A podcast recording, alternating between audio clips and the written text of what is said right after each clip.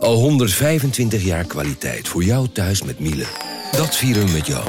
Ontvang nu tijdelijk een cashback tot 125 euro op veel Miele-apparatuur. Geniet van de kwaliteit van Miele. Voor perfect verzorgd wasgoed en kleding die veel langer mooi blijft. Voor een stralend schone vaat, even perfect als jouw diners. En een stofvrij thuis waarin echt hygiënisch schoon de standaard is. Check miele.nl voor alle feestelijke aanbiedingen. Ik ben al jaren ondernemer, maar waar moet ik eigenlijk allemaal aan denken nu ik voor het eerst personeel wil aannemen, voor het eerst ga importeren of voor het eerst een bedrijfslocatie zoek? Weet wat je wel of niet moet doen bij zaken die je voor het eerst oppakt. Check kvk.nl voor praktische stappenplannen. KVK, hou vast voor ondernemers.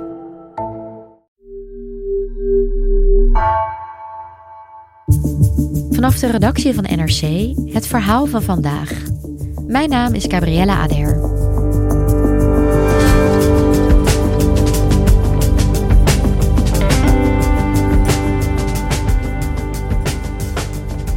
Vandaag komen in Brussel EU-leiders bijeen om te praten over het Europese migratiebeleid. De roep om het optrekken van de eigen grenzen wordt steeds groter, vertelt Italië-correspondent Ine Rooks. Zelf zag ze hoe er op de Italiaanse landsgrens dagelijks tientallen vluchtelingen naar Frankrijk proberen te komen, maar door de Franse politie hard worden teruggeduwd.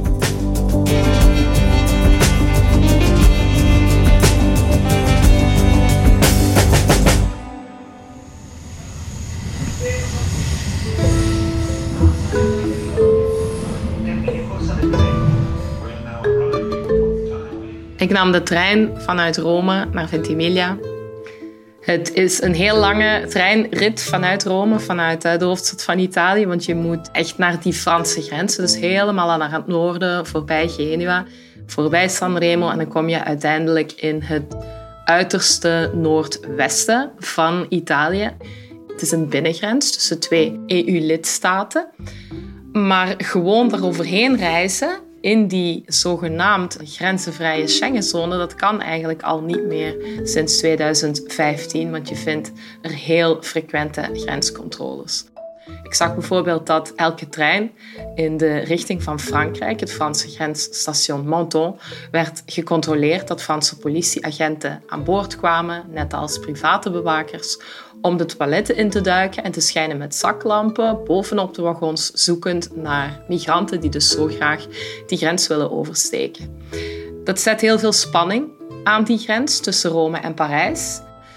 En die frictie en het feit dat zoveel spanning zit op de lijn tussen toch wel uh, veel Europese hoofdsteden, en dat Europa uh, maar uh, nog steeds niet grip lijkt te krijgen op migratie. Dat is opnieuw de aanleiding voor een heel belangrijke Europese top over migratie deze week in Brussel.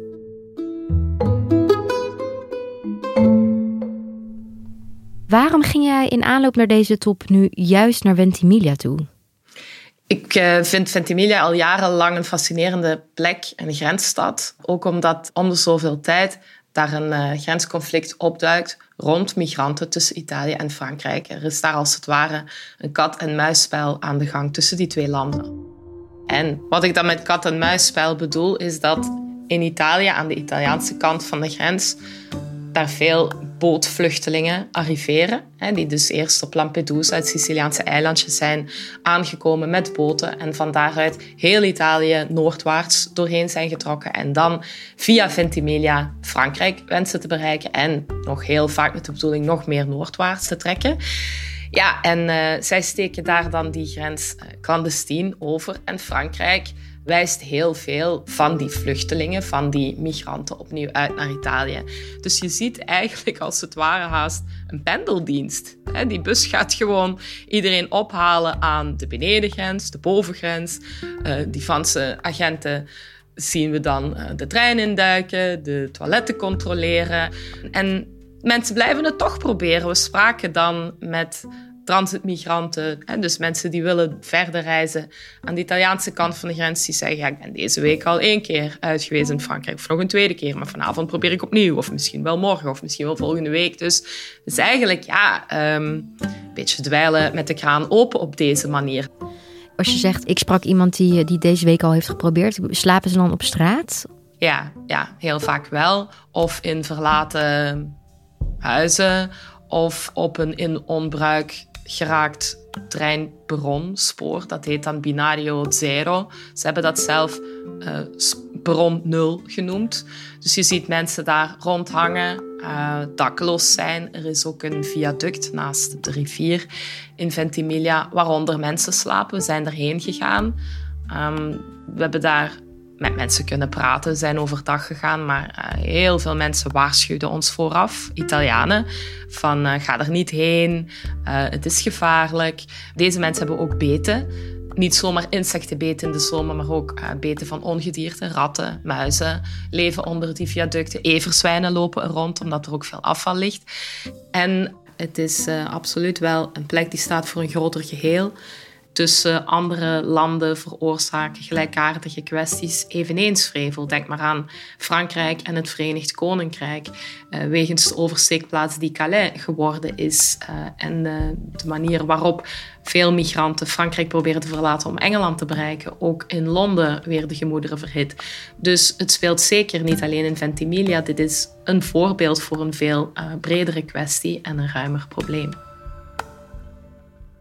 Want hoe is de migratie nu in Europa geregeld? Dus wat gebeurt er als jij als migrant of vluchteling of asielzoeker nu Europa binnenkomt? Ja, dat is een goede vraag. Dat is de essentie natuurlijk. Vooralsnog geldt de Dublin-verordening.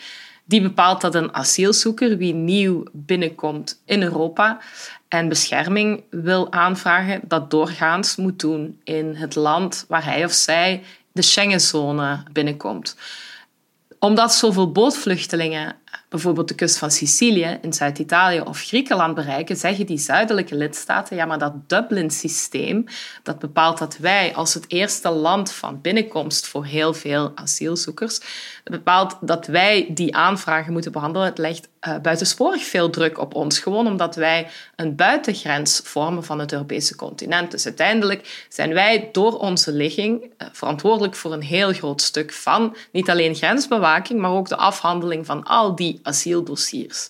En de noordelijke lidstaten zeggen dan weer bijvoorbeeld ja, jullie moeten gewoon strenger controleren en niet zoveel migranten laten doorreizen naar andere landen dan die zuidgrenslanden van Europa. Uh, mensen die eigenlijk geen recht hebben op een wettige verblijfstitel. Dus dat is eigenlijk al een heel groot conflict tussen Noord en Zuid in Europa. En hebben de noordelijke landen dan ook uh, ja, een beetje gelijk? Als ze zeggen dat zuidelijke landen zoals Italië te veel toelaten?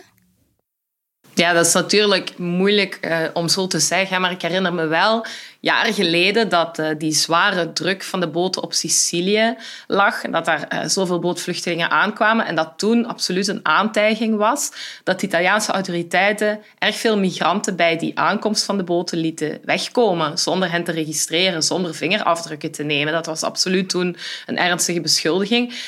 Daar moet je dan wel weer bijzeggen, stel je ook zo'n nachtelijke aankomst voor. Hè. Dat zijn uh, kleine kades, er heerst dan veel chaos, het is donker. Makkelijk is het dan ook niet om ineens drie, 400 mensen te registreren en uh, de verplichte vingerafdrukken te geven. Anderzijds, het politiek klimaat in een land als Italië met een rechtsradicale regering, geleid door Giorgia Meloni, is zeker niet pro-migratie. Zij is een van de politici in Italië die al jaren luid herhaalt dat er een gebrek aan solidariteit is en dat Italië het alleen niet zou aankunnen. En ik heb zelf uh, onlangs ook aan die grens in Ventimiglia kunnen vaststellen dat de Italiaanse politie die mensensmokkelaars, die passeurs wel zag en de migranten ook wel zag, maar echt niet ingreep. Ja, jij zag dat gewoon voor je ogen gebeuren. Ja, bij het uh, station van Ventimiglia bijvoorbeeld stonden ettelijke politiecombis, uh, politiewagens en ja, de mannen in uniform waren druk bezig op hun mobiele telefoon en keken nauwelijks op terwijl er zich van alles voor hun ogen afspeelde. En dan kan je niet van de indruk ontdoen dat Italië misschien op die manier een beetje Frankrijk een eh, koekje van eigen deeg wil geven, omdat Frankrijk dagelijks die transitmigranten ook weer de grens overzet. Dus daar is een kat-en-muisspel van formaat aan de gang. Niet alleen tussen migranten die de grens naar Frankrijk proberen over te geraken en de politie, ook tussen Frankrijk en Italië.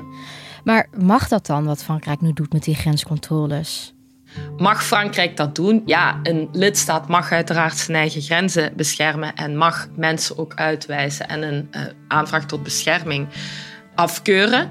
Maar je mag dat niet in groep doen. En Frankrijk krijgt wel de beschuldiging dat er collectieve uitwijzingen bij zijn.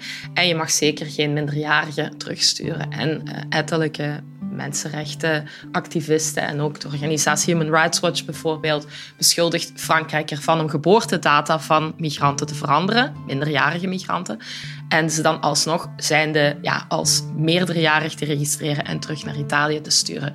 Dus ja, je ziet dat die regels, dat er iets niet werkt. Hè? Dat er iets echt vierkant draait en dat landen zich dan een beetje wel aan de regels houden en dan uh, die ook weer overtreden. Ook andere Europese landen, bijvoorbeeld Italië, worden van de zogenaamde pushbacks beschuldigd. Hè? Dus mensen collectief terugsturen, uitwijzen en de grens overzetten zonder die eh, migranten het recht hebben gegeven om een individueel verhaal te vertellen of een, uh, een, een vraag tot bescherming in te dienen. Ja, dat klinkt alsof die top in Brussel nu dus heel cruciaal zou zijn om toch alle neuzen in Europa dezelfde kant op te krijgen. Hè? Ja, precies. Eh, om de zoveel tijd, periodiek, is het weer heel moeilijk. Komt er een crisis en nu komt die top er eigenlijk omdat landen met opvangproblemen, zoals Nederland, Oostenrijk, maar ook België, uh, voor een stuk aan de alarmbel hebben getrokken en hebben gezegd we moeten, we moeten dit opnieuw bespreken. Er lag een voorstel tot een plan, hè, want het is niet dat uh, dit allemaal nieuw is. Om de zoveel tijd komt er weer een golf van bezorgdheid, van uh, ja, noodzaak om, om migratie binnen de Europese Unie beter te regelen. Er was een, een, voorstel voor een migratiepact in 2020. Dat zag er heel ambitieus uit.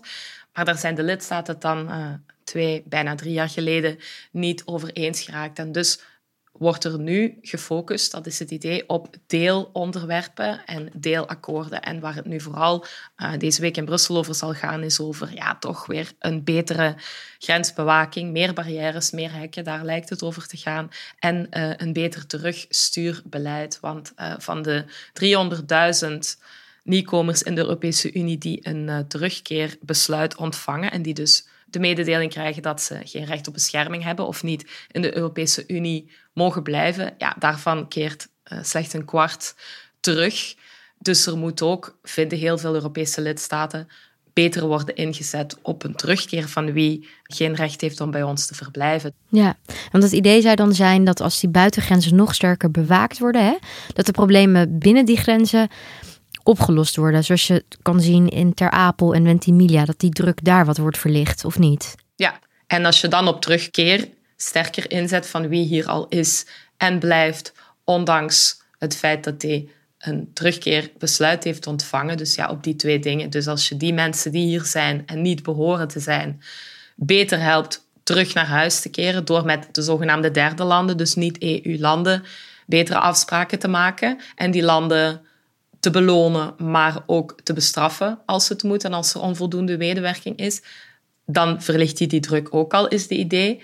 En dan ja, iets doen aan nog meer bescherming van die buitengrens, zodat er niet nog nieuwe mensen bij komen. Maar je hoort natuurlijk al, dit gaat een heel grote nadruk leggen op wie hier niet behoort te zijn. Maar ja, wat dan met mensen die wel recht op bescherming zouden krijgen? Ik heb een in, in Ventimiglia bijvoorbeeld ook veel mensen gesproken die uh, uit landen komen als Zuid-Soedan en Eritrea. In Eritrea is een verschroeiende militaire dictatuur aan de macht. Er zijn mensen die vluchten omdat ze de jarenlange dienstplicht in Eritrea willen ontvluchten. Zuid-Soedanezen ja, die, die jongvolwassen zijn, hebben niks anders bijna uh, dan oorlog meegemaakt en conflict. Dus ja, om die mensen dan uh, weg te zetten als economische migranten of tussen aanhalingstekens gelukszoekers, het zijn potentieel uh, oorlogsvluchtelingen, mensen die aanspraak maken op bescherming. Ja. ja, en die mensen blijven toch wel komen, toch? Die mensen blijven, ja, dat is heel goed dat je dat zegt, want in Ventimiglia is, um, is de Lega-partij, de radicaal-rechtse partij die, zoals je weet, anti-migratie is, heeft zich uh, heel veel ingespannen om een opvangcentrum dat er was te laten sluiten. Dat centrum is gesloten in 2020 in volle pandemie. En daar was ook uh, absoluut misbruik van mensensmokkelaars. Ooit zelf migrant geweest en daar dan een handeltje uitslaan uh, door andere nieuwkomers mee de, de, grens over te helpen. Er, was, er was heel veel ophef rond het centrum en het centrum is op een bepaald moment gesloten. Ook omdat, uh, zeker ook omdat een partij als Lega zei dat dat een pull factor was. Dus een aantrekkingskracht op migranten. Dus het feit dat die mensen hulp zouden krijgen of enigszins omkaderd zouden worden, zou dan een aantrekkingskracht op hen kunnen uitoefenen. Nu, Ehm, wat, wat we nu zien is, ja, het centrum is al eh, verschillende jaren dicht. mensen blijven toch komen. Hulpverleners wijzen erop dat een uh, opvangcentrum of omkadering of voedsel en uh, een plek om te slapen mensen uit Afrika of uit het Midden-Oosten die in oorlogszones verkeren niet aantrekt. Mensen vluchten weg van iets, vluchten naar, naar een beter leven. Maar of er nou hulpverleners of hulporganisaties zijn, ze blijven toch komen, ook zonder opvangcentrum. In Ventimiglia klonk het zo.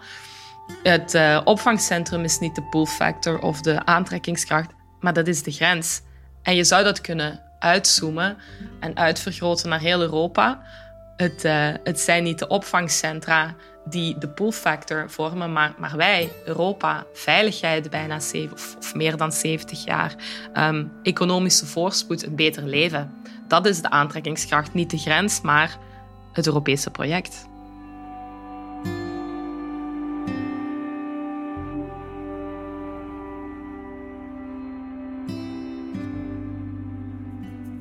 Dankjewel, Ina.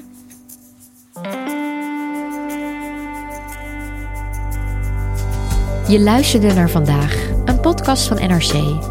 Eén verhaal, elke dag. Deze aflevering werd gemaakt door Mila Marie Bleeksma en Bas van Win. Coördinatie door Henk Ruigrop van de Werven. Dit was vandaag, morgen weer.